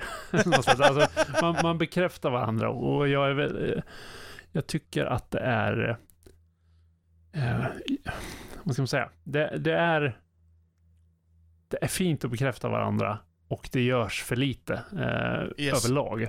Och i rollspel är ju verkligen en aktivitet som jag tycker blir bäst när man litar på varandra, när man tycker om varandra, när man eh, klickar med varandra. Och eh, att då ge en liten extra boost till det tycker jag är roligt. Ja, det du har lyckats tycker jag i, i regelbeskrivningen och jag tror jag kommer gilla det i spel också. Eh, sen har man ju arketyper. Vi, vi får ju inte lämna traddjungeln ändå ju. Nej. Eh, men där är ändå en tanke bakom det ju. Så hur är tankarna när du gör arketyperna och sådana grejer? För sen har man ju ursprung, Eh, liksom folering, fol, fancy Ja. fancy ord när jag har jobbat Precis. 42 timmar funkar inte. Eh, liksom de, de grejerna intertwinar, så hur tänker du? Förstår du lite vad jag menar? Liksom när man... Jag tycker så här, när, när du ger mig ett rollspel, eh, och du vet hur mycket jag läser ju. Ja. Så vill jag att det ska vara en anledning varför jag gör grejerna och i vilken ordning det händer, jag har inga problem med arketyper. Eh, I normala fall liksom, men det måste finnas en anledning varför jag gör det och du nailar det tycker jag. Alltså Okej, för att, kul. för, ja för att det är... Något jag älskar med dig Lukas är att du är tydlig. Eh, det är inte alla. Jag tittar på dig Fantasy Flights fucking Age of Rebellion. Som är, de är för tydliga eller inte tydliga nog. Medan du är väldigt tydlig med det här är vad jag menar med detta, det här är vad jag menar med detta, det här är mina tankar om folering och så här är det. Alltså att du har, jag får följa med dig på resan när jag läser boken. Sen kanske du har kortat ner det till mig och hatten av i så fall, det uppskattar jag att du har gjort. Men, men där är fortfarande, förstår du vad jag menar? Det blir inte som, jaha och varför har du detta? Utan det är en sån tanke. Och hur är, hur tänker du när du skriver de delarna? För jag kände mig investerad, även om jag kommer att vara spelledare, i att jag förstår lite vad Lukas vill. Ja, vad kul. Ja, det, det är ju precis som du säger att det viktiga är ju att det hänger ihop eller att det ger någonting, att, att det finns ett syfte med det. Och tittar man Dungeons Dragons handlar det mycket om eh, niche eh, protection eller liksom att man, man väljer vad man ska tillföra gruppen. Och det är lite samma tanke här. Men, men du var inne på det här med foliering och det är väl egentligen det som är den stora delen med arketyper också. att eh, Jag vill inte att alla ska spela samma karaktär, utan jag vill ha liksom krocken mellan olika karaktärer. Jag vill ha tydliga identiteter och, och sånt tycker jag är coolt när man får till. Och, och eh, välja arketyp fyller ju egentligen syftet att eh, först och främst kanske att, att ge någon form av, av signal till de andra. Att jag tänker spela en sån här karaktär. Jag tänker spela en krigare, eller jag tänker spela en tjuv, eller jag tänker spela en magiker eller något sånt där. Och att man får någon slags startpaket ifall man inte vill gå igenom en lista på, på 100 förmågor och, och 10 färdigheter och allt sånt där. Och vad, vad är bra? Då får man liksom ett startpaket. Men också då att man differentierar sig, att man spelar lite olika karaktärer som kommer kunna lite olika saker. Och sen det här med foliering, eh, som det är skrivet i boken, handlar ju mycket om... Man gör ju det i, i filmer och böcker, eh, väldigt etablerat. Men jag har inte stött på det så mycket i rollspel tidigare, men att man, man får andra att skina starkare genom att ge en ordentlig kontrast. Eh, och jag har varit alldeles för många grupper där man Ja, jag ska spela den här riktigt mörka, liksom loner Rogan som är, är cool och outsider och, och eh, alla andra tycker den är skum. Och så börjar man och alla andra är, är skumma loner outsider och man är inte dugg skum i, för, för att alla är så. Eh, och då att man istället kan säga att jag tänker vara eh, den skumma loner outsidern som, som är duktig på liksom, att smyga på sig folk och sådär. Ja, vad bra, då vet de andra, då är den liksom tagen. Det är niche, protection när det kommer till koncept och personlighet också. Inte bara färdigheter och, och förmågor. Eh, och min erfarenhet är att det ger många fler tillfällen där en grupp klickar på ett intressant sätt och bråkar på ett intressant sätt som inte splittrar gruppen. Eh, avsiktligt. Att det inte blir en slump att det blir så, utan det, det finns verktyg för att hjälpa gruppen att uppnå det. Mm, och du lägger nyckelordet där, du ger mig verktyg. Och eh, det är något jag älskar med det du gör Lukas, för att det är det jag oftast saknar. Eh, jag får verktyg, så bara ja, eh, slå så här i strid, så bara ja, okej då. Men jag får inget verktyg hur har ni tänkt att det ska vara i världen alltid. Jag förstår i D&D som du säger, där, fyller, där har jag den klassiska funktionen liksom. Jag ska vara DPSen eller jag ska vara den, eh, jag kan vara Rogan, vi ska ju, alltså så här, absolut. Mm. Eh, och jag tycker de gör det relativt bra för att de, är- så här, ni är ett adventure party. Men du, du ger mig verktygen och jag får följa med lite på dina tankegångar och jag älskar det. Alltså det är... Sen kanske jag inte håller med, det är ju en grej. Men jag vet var du kommer ifrån, jag vet hur du har tänkt att det ska implementeras. Att där finns liksom ett syfte med det. Ehm, inte... Du, Age of Rebellion. Ja. Det, är väldigt roligt att höra i alla fall. Och det är ju, om man förstår varför så är det också lättare att plocka bort det ifall man inte håller med. Eh, Ja men det är så- det jag menar, alltså exakt så. Att om du, ja men jag gillar flams och trams, ja det gör ju inte jag bort. Alltså, nu, nu förenklar jag ju det, det är inte flams jag- och trams. jag har- Jag har en kompis som, som sa så här, ja, jag tycker vindskäl verkar coolt, men jag gillar inte fantasy. Eh, jag gillar inte när det är positivt, jag gillar inte liksom kamratskap, jag vill bara ha intriger och misär. Eh, och det jag- Kristoffer. Nej, det hade kunnat vara. Eh, eh, och och eh, jag gillar liksom inte typ äventyrande, jag gillar inte... eh, Spelar denna eh, individen rollspel, punkt. Ja, jo det gör han ju absolut. Och det finns ju massa rollspel som passar för det. Men den personen var, sa ju det också att, så jag förstår att vindskäl, det är inte något för mig alls. Eh, för att, för jag fattar Ja. vad grejen är och, och jag fattar att det inte är min grej. Ja. Och, och det tycker jag, det har ett värde också. Att, eh, ja, för helvete, each to its own. Vi kan inte plisa alla, så sluta göra det. Det är Nej. en grej som, jag, som du sa där om vi tittar på indiespelscenen. Idag ska vi spela ett rollspel där vi gör kakor. Ja, jag hatar kakor. Guess what? You're gonna hate this game. ja, jo, visst. och, och de doesn't give a shit. Doesn't give a shit. Samma med USA-scenen. Så ja, nu ska ni göra detta. Vi vill inte. Gissa vad? då har inte så jävla mycket val kan jag säga. Nej, precis. Eh, och det är det jag, jag tycker att man ska göra det. Man ska följa sin vision. Och eh, tack för att jag får följa med på din resa. Eh, Tack själv. sen har man ju kulturer. Miljöer. Ja. Och, och det, det där är egentligen den andra delen av, av karaktärsskapandet som samma sak där. Det, tanken är att väva in rollpersonerna i den här ganska snurriga världen som inte är som man förstår. Så att man åtminstone förstår vad rollpersonen har för uppväxtförhållanden och hur rollpersonen ser lite på saker och ting. Uh, så att istället för att ha uh, läs världskapitlet som spelare så är det lite grann, gör en rollperson så kommer du åtminstone förstå den rollpersonens Yes. bakgrund i preach, världen. Liksom. preach, preach. För jag menar, sen har du de 25 sakerna spelare och spelledare bör känna till. Ja, precis. Ja. Återigen, jag yrkar fortfarande på att ni borde sätta er någon gång och skriva en bok bara om hur man kan få till bra rollspel oberoende på regelsystem. och jag säger till dig att det är nog mer än fem som hade köpt den jävla bokjäveln kan jag ju säga dig. Jag, jag tror att just den där grejen, det var nog eh, Pontus Kjellberg som har eh, spelhyllan bland annat, som Yes. sa, sa att det här har eh, Christer gjort i Hjältarnas tid, typ tio grejer som är bra att veta eller något sånt där. Ja. Eh, och, jag, och jag som tycker om informationsdesign och sådär, bara det där är briljant. Så det, Yes. det, det är stulet rakt av. Eh, Ja. Ja, alltså för, för, för, för jag bara älskar det. Alltså, och det är samma sak med eh, de olika grupper. Alltså hur olika grupper kan se ut. Gruppdynamik och sådana grejer. Mm. Eh, jag sa ju det till Peter när jag pratade med honom i Fornsaga. Eh, nog inget spel jag kommer spela tyvärr Peter. Eh, det är mer för setting och så. Alltså så här, vill du spela bronsålder vikingatid? Mm, Nej, det vill jag nog inte. Men hans alltså spelledare, alltså, spel, alltså rollspelskapitlet är fucking fabulous. Mm. eh, I den boken. Så enbart kan jag tycka att ni ska köpa den boken bara för den biten kan jag ju säga gott folk. För du har gjort liknande här, alltså att jag, jag är fin med att man ska beskriva vad rollspel är i att du rullar en tärning, du berättar det här, jada jada jada. Jag läser de grejerna rätt snabbt. Men de här grejerna tycker jag är svinviktig. För du sa det innan också, återigen, jag älskar dig Lukas för det.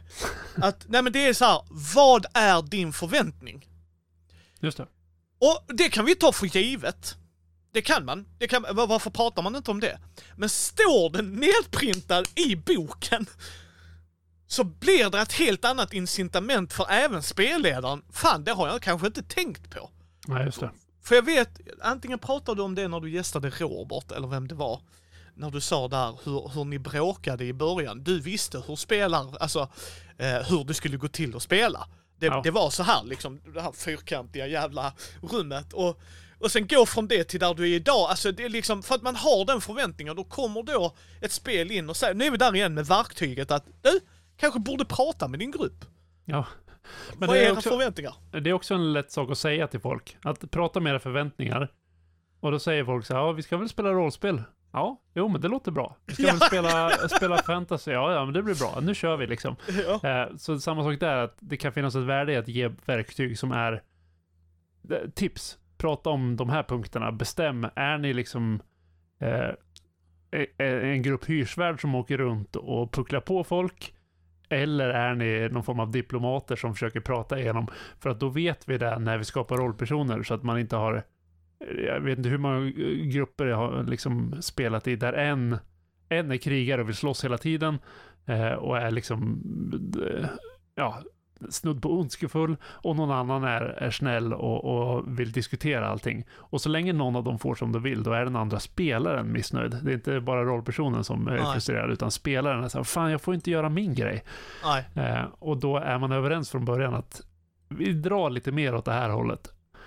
Om någon då säger att fast jag vill göra något som är helt tvärt emot, då vet den personen det. Eh, och alla vet att okej, då är det ett, ett eh, informerat beslut istället för en slump. Eh, Ja. Och, och, och, jag älskar dig för det. För att det är så här liksom för att vi pratar ju Mindy sjukt mycket om kommunikation. För det är så jävla viktigt att man kommunicerar vad man vill ha ut utav spelet, vad förväntningarna är, även sådana enkla grejer som vad är okej, vad är inte okej, vad vill du ha i spel, vad vill du inte ha i spel. Bara de och hela tiden få verktyg. Alltså det är fantastiskt, tack min vän. Alltså det är... Folk tar det för givet som du sa där. Nu ska vi prata, vi ska spela rollspel. Ja, vi ska rulla tärningar. Ja, ja men då är vi klara Lukas, då kör vi då. Ja. Så man bara, ah, det där är lite andra grejer vi kanske borde gå igenom. Och, Och och det- det, är det är olika grejer som behövs. Eh, vi pratade lite om Bloodfeud tidigare. Som sagt, ska man spela det så behöver man prata om, om betydligt mer. Eh, Yes. Eftersom det är betydligt mer som kan gå fel. Ja, än när man ska spela vindskäl. Men, men samma sak, spelar man vindskäl och tänker att man ska spela Bloodfeud, då kommer man inte heller ha roligt. Så att, ja, jag tror just på den här vikten eh, att ge folk, om de plockar upp ett spel så behöver de få veta vad behöver vi prata om för att spela det här spelet bra. ja, Eh, och, och ja, det är lite samma sak som principerna egentligen. Att det ska bli så tydligt som möjligt vad tanken är. Och som vi sa eh, senare då att och när man har förstått tanken så kan man säga fast det där håller vi inte med om, det skiter vi i." Och då, Ja. då kan man ta ett informerat beslut om det. precis. Och sen kommer vi då, eh, frågorna är ställda hur jag har läst boken by the way. Så de, det är därför de är utspridda gott Ja. folk. Du har ju fauna och flora i världen. All heder till dig att du har skrivit detta kan jag ju säga, för I suck at that. Så vad är det? Det är en blomma. Shut up. Ja, liksom. Men, och de olika områdena, för du har liksom ökenlandskapet. Det är också en grej jag älskar med världen. Du kan verkligen säga, vi vill bara spela i djungeln. Då gör ni det. Jag vill resa kors och tvärs utan att det tar tre månader. Ja, men Ja, då kan precis. du... Ja, liksom, där, där är valmöjligheter. Jag gillar det jättemycket. Men hur, hur kom den idén fram? Både med faunan och floran och liksom hur... För det tillhör ju de olika områdena och liksom... det är väl egentligen det vi var inne på lite på tidigare att jag hade en genomgående ambition att det skulle kännas annorlunda. Eh, för när... Det, man, man ska göra det man tycker är roligt eh, och man ska göra det man brinner för. Men när man ska ge ut ett, ett eh, rollspel så kan man också fundera på eh, behövs det här spelet? Eller, eller liksom tillför det här spelet någonting? Och, och jag tycker som sagt att, att det här spelet har lite kul grejer med, med reglerna. Men jag ville ha samma sak med, med spelet, att det skulle vara någonting som är lite annorlunda än det som finns i alla fall. Så, så att göra en liksom gråbrun eh, europeisk medeltidsfantasy, eh, det finns det andra spel som redan har gjort jätte, jättebra. Så jag ville ju göra det här med färgstarka och jag ville plocka influenser från andra ställen än Europa på ett hänsynsfullt sätt och liksom väva in det till någon slags egen idé utan att bara klistra på andra etiketter på existerande kulturer utan jag har ju mer tittat liksom men man, man går mycket genom skog, man går genom träsk, man går eh, liksom genom fält och sådär. Eh, det, blir lätt så med Europa. Berg, det är eh, liksom mer berg och höga berg eller djupa djungler eller konstiga öknar och sådär. Det har jag inte spelat riktigt lika mycket och det finns ju i många världar, men, men lite mer fokus på det än att det blir så väldigt mycket skog och fält. Och, och då, liksom, ja, samma sak där, jag har djupdykt lite för långt eh, i eh, klimat och eh, så här hur öknar uppstår och sådana grejer. Men, men, men, men eh, jag har försökt bygga det på ett rimligt sätt där det liksom, det känns som att det är lite annorlunda, både kulturellt och eh, miljömässigt. Och risken som jag upplever när man inte ger information, då väljer man ofta de enkla utvägarna. Att om, om, om jag inte hade skrivit så mycket om världen, då hade man spelat den som en traditionell europeisk fantasyvärld. Men om jag skriver att eh, det är massa berg och det är massa djungler och det är öken, liksom, då, då, då, spelar man det. Om jag säger att folk dricker inte alkohol och öl och mjöd, utan folk dricker te, ja, då får man in det i världen. Ja. Om, jag, om jag inte skriver någonting om djuren, då är det hästar, kor och, och getter liksom. Men om jag skriver att om det är någon konstig, eh, liksom stor känguruvarelse och, och det är någon, någon slags hårig noshörning utan horn eller ja. Eh, då, då känns världen mer annorlunda. Eh, man faller inte in i de här troperna riktigt lika naturligt för att det finns information som motsäger den på något sätt. Ja. Ja, nej, nej, jag tycker det är sjukt jävla bra Och en annan grej som alla är hens. Ja, är, precis. Uh, hur svårt var det att skriva? För jag kan säga att jag glömmer det varje gång när jag spelar spelledaren NPC. För ja. att det, jag är så ovan vid det bara. Inget annat. Men här var det verkligen bara hen rakt igenom. Och bara, huh, intressant. Det var ju samma sak där. Det europeiska liksom, medeltiden fokuserar så mycket på manligt och kvinnligt. Och det ja. finns massa intressanta grejer att säga om det också. Liksom, kvinnor som bryter könsroller och män som bryter könsroller och, och, och, och liksom eh, om, om eh, avvikande sexualitet är liksom hemskt och emot kyrkan och det är synd när man liksom ligger med folk utan att gifta sig och ja, allt sånt där. Eh, kvinnor liksom har inte arvsrätt och därför gifts de bort till andra familjer och allt sånt här. Det går att göra intressanta saker av det och det är historia och sådär, men jag ville bara att det inte skulle vara en del av det här spelet. Ja. Eh, att, att spelar man en kvinna eller en man i den här spelvärlden så blir det samma spelupplevelse. Eller liksom inte så här, du ska spela kvinna, okej, okay, då kommer du bli utsatt för sexism.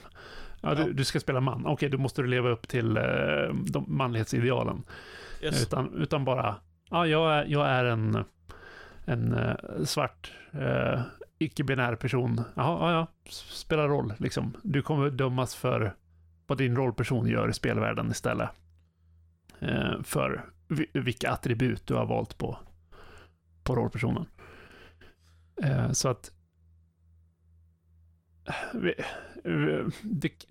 det, är egentligen inte en politisk kommentar, även om jag själv dras liksom ideologiskt åt det hållet att, att det är sunt att luckra upp könsnormer. Incitamentet är mer att skapa en, en annorlunda spelvärld. Ja. Uh. För det gör du ju. Tack vare att du säger det ju. Alltså, alltså att det är liksom, de, de har inte den delen. Det är inte jag, deras kultur. Och, och jag, det, det, jag tycker att det är väldigt spännande uh, när man spelar för att det skapar helt andra situationer. När man inte vet att någon är man eller kvinna, då är det plötsligt två personer som bor ihop. Och då vet man inte, är de kompisar, är de ett par? Hade de varit man och kvinna? Då hade man gjort ett antagande. Då, då, är de ett par. Men är de man och man, då börjar man fundera. Är de, ligger de med varandra eller är de kompisar? Ja. Och, och vad har vi med det att göra? Yes. nej, nej, men... Utan yep. bara... Helt, eh, helt Bara en annorlunda, en annorlunda upplevelse, en annorlunda tankeverksamhet som uppstår. Man fokuserar mer på eh, hur personerna beter sig än eh, vad de har mellan benen och sådär. Eh, ja, en annorlunda upplevelse var, var målet liksom, även, även där. Eh, jag är, är helt med dig, för att det skiftar fokus. Och det, jag älskar hur du tänker, för det visar ju att du har hela tiden liksom, nej vi ska bort ifrån det andra. Inte för att det behöver vara dåligt skött eller dåligt gjort, att vi inte kan prata om det. Ja, som sagt, det finns ju jättemycket. Bl- Bloodfeud är ju ett spel som, som jag har medverkat lite grann på, som bara handlar om det här är könsrollerna, så här ska det vara, det här ska liksom eh, efterlevas. Eh, så jag tycker att det finns väldigt mycket intressant att säga om det också. Det var bara att jag inte ville göra det i det här spelet. Nej, nej, nej. Alltså, du säger inte att eh, folk har hanterat det dåligt. Det, Nej. det, jag är helt med dig. Men det är det jag menar att... Eh, det, det, jag är helt med dig där liksom att... Du, du har en vision och det hjälper visionen att komma till liv. Och då, och då, då, då får man ju ta det för vad det är ju. Och jag tycker det är jättebra att du pratar om var idén kommer ifrån och varför. För att det kan vara folk som kanske stör sig på det. Jag stör mig inte på det, utan jag bara reagerade på det. Hen rakt igenom, vilket var så här, ah, soft. Eh, inte så här negativt, utan det var verkligen som du sa när man läste äventyren så här. Ja, hur hade jag reagerat om detta hade varit en man eller kvinna? Liksom. Så att där, där är en poäng i det. Sen har man det gamla folket, och jag ska inte ens försöka uttala deras namn kan jag säga dig. Och så de e- esoteriska krafterna. Ja, För- precis. För vi ska ha magi. Sitt ner i båten folk. Det är klart vi ska ha magi, det är fantasy. Det, det, är- nu har jag pratat mycket om allt som är annorlunda och, och, Yes. och sådär. Men det är ju extremt mycket troper också med, med magi och fantasyvärld och konstiga djur och, och det här eh, Tianaki-folket som är någon slags eh, efterlämningar från något mystiskt försvunnet folk och, och eh, det, är, det är väldigt mycket troper invävt i det också, bara att jag har försökt liksom ge en annan eh, färg på det, eller vad man ska säga. Eh, men, men det är samma sak där. Alla sådana här inslag är på något sätt inbyggda för äventyrspotentialen eller liksom för att ge eh, uppslag till spel. Så, så det är ju någonting väldigt charmigt klassiskt med att utforska gamla ruiner och sådär. Eh, Ja, så, det är det. men, Det är men samtidigt har jag försökt ta vinkeln på de här Tianaki-ruinerna att egentligen är de högteknologiska fast inte med en sci-fi högteknologi utan någon slags magisk teknologi. Ja, så att Och, och Det- och- det har ju- kristallerna. det har ju gjorts tidigare också. Eh, Det är bara att jag tyckte att det var en intressant eh, grej att utforska. Eh, För som sagt, hela spelet är någon slags eh, balansgång mellan eh, spelbarhet och ospelbarhet eh, i sin annorlundahet. Och eh, det är inte alltid jag nailar den säkert, men det har varit en ambition i alla fall. Ja, men alltså, jag, återigen helheten. Jag tycker du, jag, du- alltså det är så spännande eh, hur, hur det, hur det kommer till. För att jag menar, alltså hela den här boken är så fantastisk, punkt. Eh, för för du, du får tillräckligt mycket med information, men du får inte för mycket. Det är samma liksom när du går igenom kulturer och traditioner och allt det där. Varje område. Jag får tillräckligt mycket för att jag ska kunna förstå vad du menar. Men jag får inte för mycket för att jag ska sitta och som du sa innan och bläddra i en stor jävla bok och oj, gick jag emot denna kulturen? Åh, vad fan, alltså förstår du vad jag menar? Ja. För det är också ett problem, kan jag ju känna, liksom när man läser för mycket text. Så bara, jaha, är jag true to the story? För där är alltid någon jävel i ens grupp som ska läsa på. Nu gör du faktiskt inte så som Lukas, så ska man bara sitta ner i båten för helvete, jag pallar inte. Ja, Det är glädjande att höra och det är ju tanken. Jag, jag hade en version av den här boken som var tusen sidor lång. Eh, utan bilder. Fy fan vad glad jag är att du gick så. Och, och nu är den 100, vad vet jag, 160-180 sidor med minst lika många stora bilder. Då. Så att eh, det är rejält beskuret. Jag har ju fått hjälp av, av eh, både eh, Peter och Kristoffer eh, från Bläckfisk förlag men även det har använts mycket så här motorsågs-memes eh, på vår Discord. Eh, så här motorsågs-giffar. Eh, typ, nej förresten, jag, jag ändrar mig. Jag, jag skär bort hälften av texten igen. Nej, jag skär fan bort hälften igen. Nej, men vänta nu, jag ska nog skära bort den. eh, så att ambitionen var ju just, ja, samma där. Spe, eh, spelvärlden är så konstig så att speltexten måste vara tillgänglig på något sätt, att den känns hanterbar. Ja, och, och här återigen, du ger ju verktyg till spelledaren men även att ge dem spelledarens principer. Och jag bara älskar detta. Alltså, det är ju så jävla bra konstruerat tycker jag.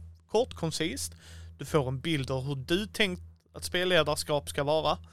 Återigen, jag kan ju välja att skita i allt det där, Mm. men det är ett verktyg för spelare, spelledaren. Liksom, så här är tanken att jag, man ska spelleda Vindskäl. Det här är min tanke. Jag som har gjort spelet. Eh, och det missas oftast, tycker jag, framförallt i de stora tradspelen. Ja men det, det, det, du har en bunker. Jaha, varför har jag en bunker? Ja men det är en postapokalyptisk värld. Jaha, okej. Måste det vara en bunker? Kan det vara ett hus? Vad är din? Nej men bunker är bäst. Så man bara, ja okej. Fast varför är bunker bäst? Alltså förstår du vad jag menar liksom? Alltså, varför gör jag de regelmekaniska valen eller äventyrsvalen? Och då kommer Lukas där som hjälten i en vit rustning som bara po, sparkar in dörren. Sitt ner folk, jag ska berätta för er. Och jag tycker det är jättebra. Det, det kan ju säkert uppfattas som raljerande ibland också när man säger så- så här ska man spela för då blir det bäst. Men, men det är som du säger, det, grejen är ju bara, så, här tror jag att man spelar det här spelet som jag har designat för att få upplevelsen som jag har tänkt att man ska få. Och så får Ja. man välja ifall man vill gå på det spåret eller inte. Precis, och det är det jag menar. Nu är vi där igen. Det är verktyg du får. Just det. För sen så kommer eh, Lukas med en liten fuling här, för sen har vi sorgevärlden gott folk. Mm. Mm. Vi har sorgeväsen. Eh, depp och död.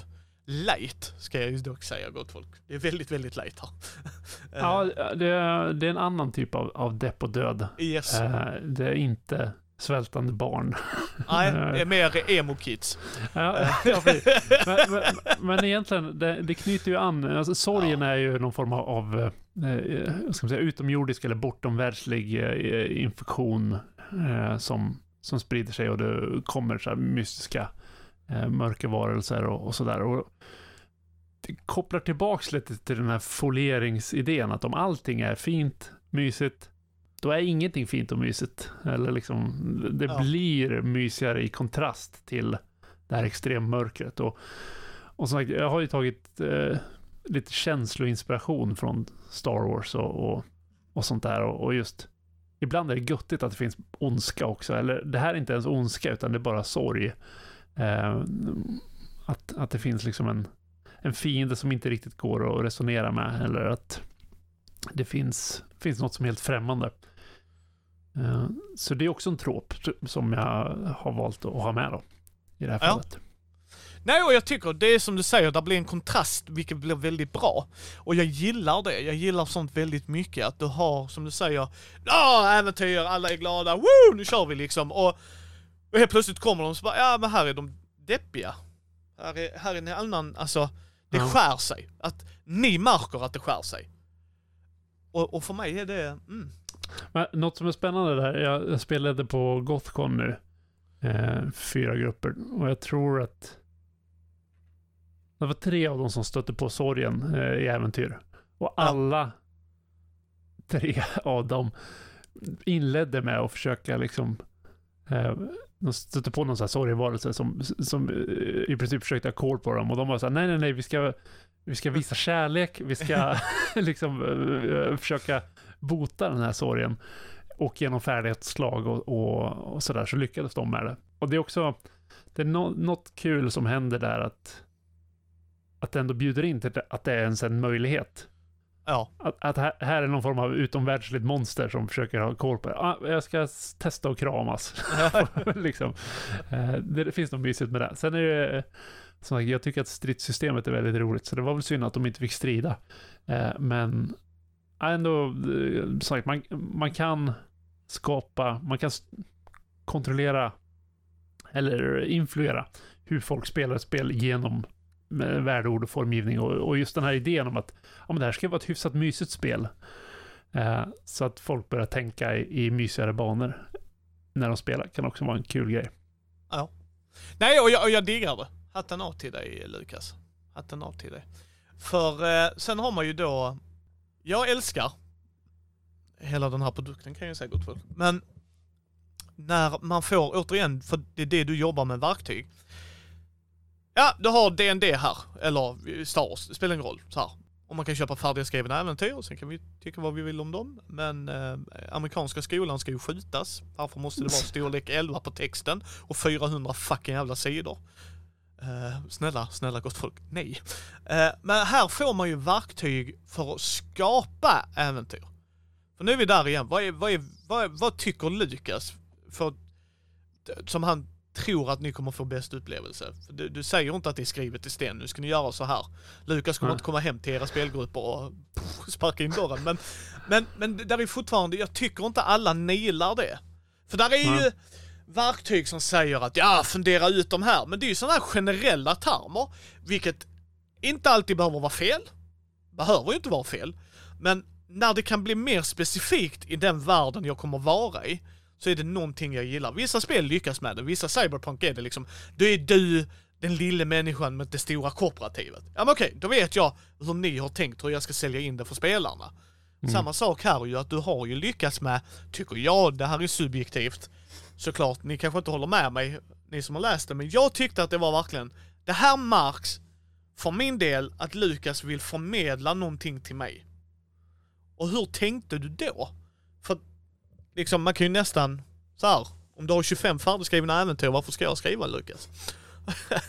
Ja, det är, det är en- bra poäng. Eh, Men det är väl det som är grejen också och det som jag tycker är roligt att eh, vi av de här, av de här 25-30 äventyren så har väl jag skrivit 5, 10 Ja. kanske. Eh, Och det är andra som har, har blivit inspirerade både av, av spelvärlden och av, av eh, äventyren som har släppts tidigare och liksom det upplägget. Eh, så att jag tror jag gillar inte så mycket att spela färdiga äventyr själv. Jag gillar att skriva egna äventyr. Men jag, jag gillar också att jobba metodiskt. Att liksom, vad, hur skriver jag ett bra äventyr? Jag älskar den här Five Room Dungeon-upplägget, att försöka bygga äventyr efter den. Eh, jag älskar, det finns en sån här eh, Goblin Punch Dungeon Checklist med liksom grejer man, man borde ha med i sin dungeon. Eh, typ enkla tips för då vet jag att, ja, ja men bygga metodiskt så här, då vet jag att jag får ett resultat varje gång som funkar. Eh, och sen st- sticka in min egen kreativitet i det, så att det blir någonting eh, personligt och, och någonting som jag tycker är coolt. Eh, så att de här spelartipsen i hur man skriver äventyr är ju just, syftar till att, att ge nästan som en checklista, att bocka av de här grejerna så har ni nog ett äventyr som kan funka för Vindskäl och följ de här riktlinjerna så har ni nog ett äventyr som, som passar in i, i hur Vindskäl är tänkt att spelas. Och samma sak, det finns ju någon sån här liten tipsruta. Så här gör du djur och växter som passar in i Yes. Vindskäl-världen också. Det är också så här systematiskt eh, hur man gör så att man inte... Det är ju finns ju, som du säger, en, en tendens att man tappar de här verktygen lite grann när man skriver rollspel. Och, och tipset man egentligen får är eh, hitta på något bra. Ja. Ja men och det är typ, inte alltid så konstruktivt, utan följ den här metoden och stoppa in din egen kreativitet i det, så får du ett resultat. Eh, tycker jag är ganska praktiskt. Det, det, det får mig att känna att jag klarar av det här. Jag har någonstans att börja. Och så bryter jag mot de reglerna som, som jag bryter mot, eh, fast jag gör det informerat återigen då. ja och, och det är det jag menar liksom att om jag skriver scenario, eh, liksom och så, äventyr och så här, nu till AP-poddarna, eh, vi, vi på Mindy på äventyr till exempel. Då, då, då börjar jag ju kanske inte alltid i den änden Vindskäl gör ju, men det är ju för att jag sitter, du vet så här, eh, när Axel var med så frågar han, nej men bestäm du vad jag ska spela. Alltså han vill bara ha en färdiggjord karaktär. Ja. Okej. New Orleans detektiv, det, det får jag känslan av att Axel kan spela. Eh, och han nailade det, vi hade jättekul. Nu, gå in och lyssna på Gränden, de sex delarna med Axel Widén från Vi spelar rollspel. Men där började jag i vad jag vill sätta honom i för situation och vi hade ju en sån sittning noll. Det. där vi gick igenom liksom vad är okej, vad är inte okej, för det är jag jävligt noga med liksom. Each to its own. Alltså så.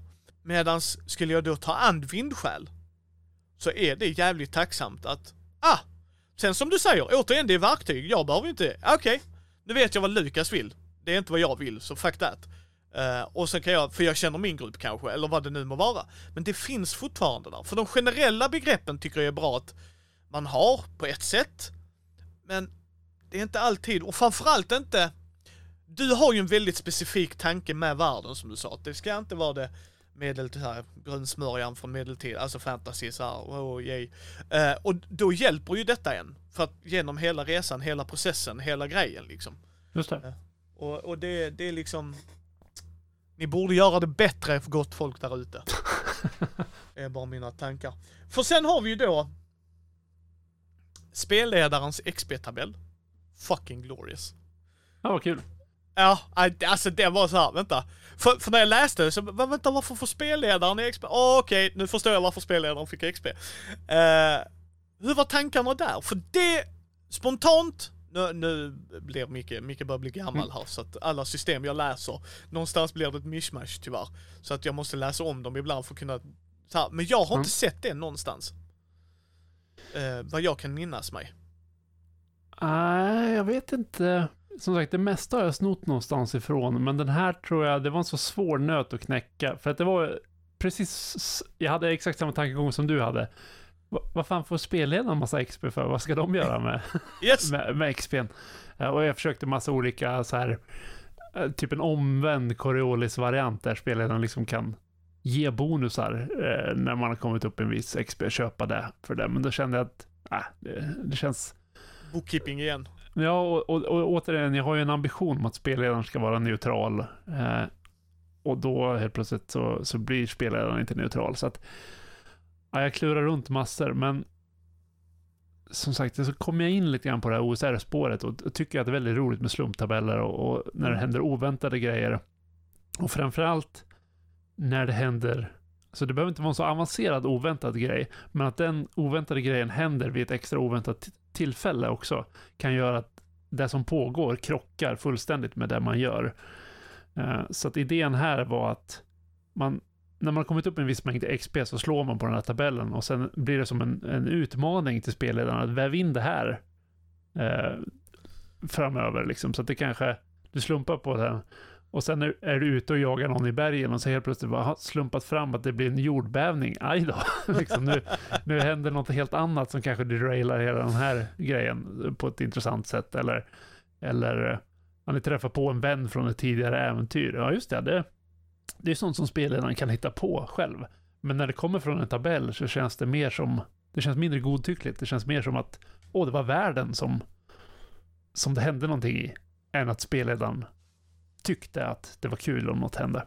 Ja, och det, och det är det jag gillar väldigt, väldigt mycket. För sen har man ju då, du har ju introäventyret i boken. Mm. Eh, nästan standard i ett traditionellt rollspel idag ju. Eh, vilket jag förstår, för det hjälper ju ändå. Så här, här har, återigen, ett verktyg. Visst. Man, man ser ungefär hur man kan skriva ett äventyr och Ja, och eh, f- få känslan av världen också. Eh, eh, på ett bra sätt. Alltså för mig är det, jag hatar boxar. Jaså? Ja, ja, jag är så här. Du, jag behöver inte ha boxar med allt. Är det Eh, lagligt i Sverige? Ja, jag, jag eh, har inte vuxit upp med alla de boxarna jag kan säga att jag avskyr de boxarna. Okej. Eh, För jag vill ha en riktig bok. Mm. Jag vill faktiskt hålla i vindskäl som en bok. Starterboxar har jag en helt annan grej för. Just det. För då är det en starterbox jag köper. Det här, nu ska du prova. Man köper den till grupp. Ännu bättre om man polar ihop. De kostar inte så mycket som tur är. De som kostar lite mer. Fria ligan har ju några som är lite dyrare men där tycker jag att du får fan i mig mer än den lådan också så att inte för den delen. Men, men jag tycker fortfarande, för den fyller en funktion ju. Och jag älskar att du har att det blir lite som en starterbox i denna boken. Fast du har alla regler, men just det. just det, just det äventyret tyckte jag var så jävla intressant strukturerat. För det var återigen så satt jag, aha, nu, nu förstår jag lite hur Lukas tänker. Sen kanske inte hela tiden håller med, missförstå mig rätt här gott folk, ni kan ha en helt annan åsikt. Men för mig älskar jag när det blir tydligt vad skaparen vill. Det är ungefär som för mig att se en film. Nu vet jag vad den personens vision är av filmen. Jag kanske inte håller med, alltså, men Ja. men, men all heder till dig att du levererar din vision. Att du inte rubbar på någonting. Alltså, alltså nu, nu kan du rubba, men förstår du lite vad jag menar? Alltså att, att jag kan uppskatta hantverket på ett helt annat sätt. Att, ah, okej, du, du hade faktiskt en vision här. Men hur, av alla äventyr du har gjort, för du har gjort några till pamflet, hur valde du detta och varför? Eh, det är så fånigt att eh, vi gjorde omslaget och det tyckte jag var coolt så jag tänkte att vad är det här för äventyr egentligen? För då, det är väl inte fånigt, det är ju Ah. Det är, ju retroaktivt, men, men just vi har ju där, den här svävande ruinen på omslaget. Och jag tänkte att då är det väl coolt att skriva ett introäventyr som handlar om en svävande ruin. Så att det liksom finns någon slags koppling däremellan. Återigen gott folk. Ja, där har vi en som har använt en nuggen från början. För detta är väl det du spelar i Fummelpodden va? Ja, precis. Eh, vi spelade... Det, det, vi skulle spela in i Fummelpodden. Jag är ju såhär smart marknadsförare, så att ja, men vi spelar in i Fummelpodden inför Kickstarten och sådär. Eh, för då, då kan vi visa upp spelet lite grann. Och sen det sket sig en massa planeringar, så helt plötsligt var det så här, ah, okej, okay, då måste vi spela in det idag, ifall det ska kunna spelas in. Ja, men jag har inte skrivit färdigt det där. Så att det är en tidigare variant. Jag tror till och med att att de börjar liksom från omvänd ordning, att de börjar typ uppifrån och går neråt eller nerifrån och går uppåt eller något sånt här. Så att det finns aspekter som är väldigt annorlunda. Eh, så man kan inte lyssna på Fummelpodden som en slags tutorial för hur man spelleder det äventyret. För att eh, det ser annorlunda ut. Men det är samma äventyr i sin kärna på något sätt. Ja. För jag kan säga, vissa grejer kände jag igen. Så bara vänta lite. Ja. Spelar de inte detta i Fummelpodden? Oh, ah, ah, På något ah, sätt är det samma. Ja, ja, precis. Sen var det länge sedan jag hörde det ju. Ja. Men, men det var så här, jag kände igen det. Sen... Alltså, alltså du är så jävla smart så att det gör ont ibland. Du har en summering på reglerna längst bak i boken, för fuck's sake, lär er detta gott folk. Det är så genialiskt! Alltså, så, vad, så, här längst bak, titta, ta det. Alltså det ja. Det, ja, det, vi riktar den applåden till, eh, till Johan Nor för att det där är ju också en så här mörkborg-stöld. De har ju också reglerna där bak och, och, när jag såg det så tänkte jag, fan, då får du en spelledarskärm på köpet i princip. Du kan bara ja. slå upp längst bak i boken och se regelsummeringen. Det, jag håller med om att det är briljant. Eh, och, och cred, jag har snott det från Johan Nor. Ja, ja, ja, nej men det är alltså det, när, när jag, så tänkte jag, för när jag så bara, ja, ska de ha index, jada jada, vänta, stopp. Får jag en regelsummering längst bak på Halle fucking Lulia! Alltså det var fucking brilliant. Ja, för, vad kul. ja, nej och det, alltså jag, nej men för det, det är... Hashtag evig spelledare här. Ja. Det finns inget värre än att leta i en regelbok och inte få en, hjälp, en snabb quick fix. Nej, precis. Och det, och det är därför jag säger till folk, därför älskar jag spelledarskärmar. För då kan jag få en snabb summering. Om den är bra konstruerad, där är dåliga där ute, det vet mm. jag. Men det är därför jag gillar dem. Eh, eller karaktärsblad som har det skrivet. Där vet jag vissa gör. För av exakt samma anledning. Det står på pappret, dank, nu kör vi. Vi behöver mm. inte ha en regeldiskussion, vi behöver inte bläddra i onödan. Så att nej, det är, Johan, du är något på spåret där. Absolut. Eh, sen har man ju då, vi börjar närma oss slutet här. För pamflettäventyren är effing amazeballs. Av Tack den så mycket. Ja, för att de gör det lite som du kände att ja, du ska kunna summera, alltså... Ja, vi ska spela vindskäl idag. Jaha, okej. Okay. Uh, eh, shit, fan jag har inte förberett något. Tada! Du har ett pamflettäventyr. Det enda du behöver göra är läsa den. Det tog mig typ en minut att läsa dem och ändå förstå vad det gällde. Ja, precis. Och sen kanske du får lägga några minuter till och försöka väva in det såklart, men du får skeletten i de äventyren skulle jag säga. Uh, att du får the backbone. Du, du, får kanske inte alla köttiga delar, men du får det som krävs för att bygga vidare på en grej. Uh, du har de viktiga karaktärerna, NPCerna eller SLPs. Eh, du har liksom platsen där det utspelar sig. De viktiga detaljerna där. Du har alltså hela, hela strukturen. För övrigt älskar jag när du strukturerat äventyren. Det är en kort summering, asbra. Här är pitchen. Då, då, får du pitchen. Nej, min grupp gillar inte att äventyra en grotta. Nästa, jag behöver inte ta den. Nej men alltså, det, det är svinbra. Och det, det gör många, det är ju inte bara ni va. Men, eh, och sen kommer det här, strukturen, man känner igen strukturen så jag kan liksom se snabbt. Jaha, okej. Okay. Men! det måste jag också ge dig. Inget av äventyren kändes, jaha, det är samma som innan. Alltså alla kändes lite, sen var det väl någon som hade snarlik effekt såklart, alltså såhär, detta är ju också en gå ut och leta grej såklart, ja. men, men, men, men de kändes inte som, jaha, du hade bara bytt färg på den. Alltså förstår du vad jag menar? Utan du, eh, för vissa äventyr är så gott folk. Eh, men, men det kändes fresh för mig så att, eh, hatten ja. av där. Fint. Och det, jag tycker vi har ju haft kvar samma ambition i, eh, i den här Ta- Tadonro som vi har släppt, som är liksom en, en serie med äventyrssamlingar. eh, Yes. Där, där de flesta äventyren är skrivna av, av andra människor, inte bara av mig. Eh, och där, de är ju inte pamfletter, men de, de tar upp samma plats som en pamflett egentligen. Så att då, då är det två Ja, det var fyra. istället för två sidor. Ja men precis, det var fyra sidor på någon. Ja. Du, din var lite längre.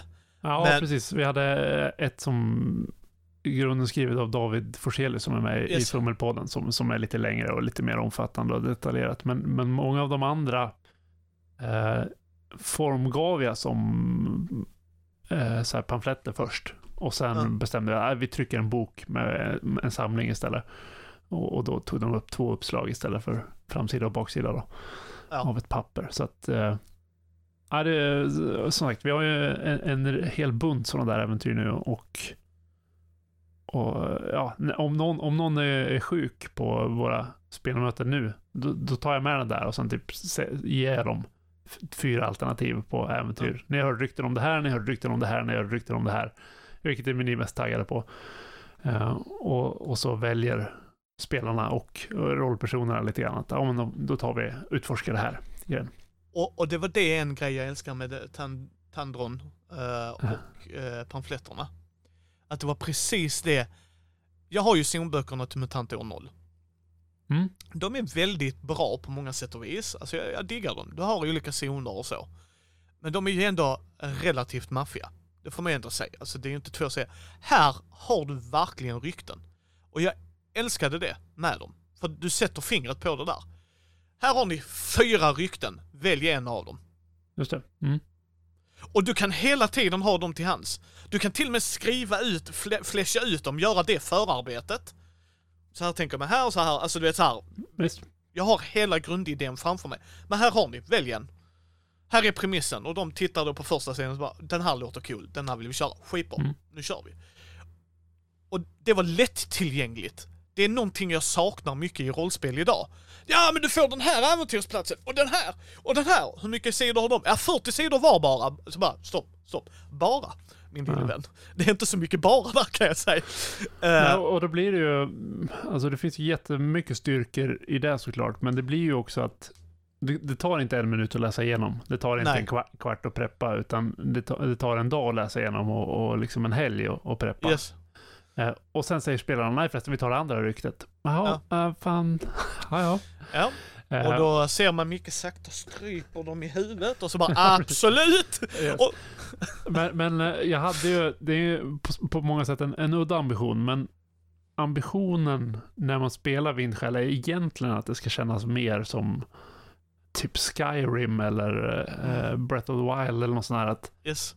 eh, det kanske inte är mainplot som är huvudfokus, eh, utan huvudfokus är berättelserna som uppstår eh, vid, vid sidan av det.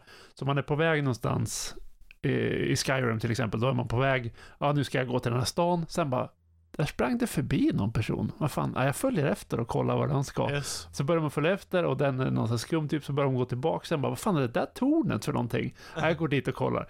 Yes. Och sen har det gått liksom en vecka och man bara, just fan jag skulle till stan. Det var det, dit jag var på väg. Och då har man gjort massa äventyr på vägen. Och det där går ju inte att göra i rollspel för att det är ju inte ett visuellt medium. Så att du kan aldrig liksom, du ser tornet på håll eh, på, på samma sätt, utan då måste spelledaren spotlighta där. Där är det ett torn. Och de är så här, ja men det kan vi vilja gå till. Men problemet då är att spelledaren måste ha preppat allt det här. Yes, och det var det jag menar. Och, och det blir rätt uppenbart att det är... Nej, förlåt. Det kan bli rätt uppenbart, förlåt mig. Så ska jag Ja. säga. Att när en spelledare säger det som du säger så. Där är ett torn där borta Lukas. Ah, vill Micke att jag ska gå dit? Ja, jo, men lite så. Al- Alltså förstår du vad jag menar? I, I Skyrim så kan det ju faktiskt bara... Ja, det var bara ett torn. Det var inte mer. Nej, Likväl, alltså det kunde likväl vara... snudd, snudd på. Ja. Ja. Men, men så jag tror att det jag landar i i slutändan är ju att det här med rykten är en social variant av eh, de här, eh, vad ska man säga, landmärkena eller Yes. eh, grejer man stöter på på vägen. Och rykten är alltid, förlåt mig Lukas, men rykten är också bra på det sättet att eh, det kan de ju höra på vägens gång ju. Ja, att det, det färdas, färdas olika. Så att det, det, det är inte onaturligt att ett rykte helt plötsligt bara, varför får jag reda på om vinterlandskap? Jag är mitt ute i öknen. Jo, för Nej. ryktet, alltså, it travels. Precis. Det är, eh, vindskäl, eh, världens motsvarighet till värdshus är, är ju tehus. Man stannar Yes. där dricker lite te och sover på golvet. Eh, så att det finns massa sådana och det är ganska naturligt att ja, vi ska resa en vecka ditåt. Ja, men då passerar vi ett par tehus. Ja, men efter några dagar så har ni snappat upp de här ryktena liksom. Jaha, Yes. fan, ja men då tar vi en omväg då och sticker dit. Nej, det är fantastiskt. Jag tänkte vi ska köra en fråga till här, sen ska du få gå och lägga dig. Fint. Vad kan vi förvänta oss mer då av Vindskäl? Vad är, det, vad är planerna för den här? som sagt, fokus kommer ligga extremt mycket på just spelbara äventyr. Eh, och det finns en massa äventyr som inte är släppta än, som vi har fått inskickade till oss.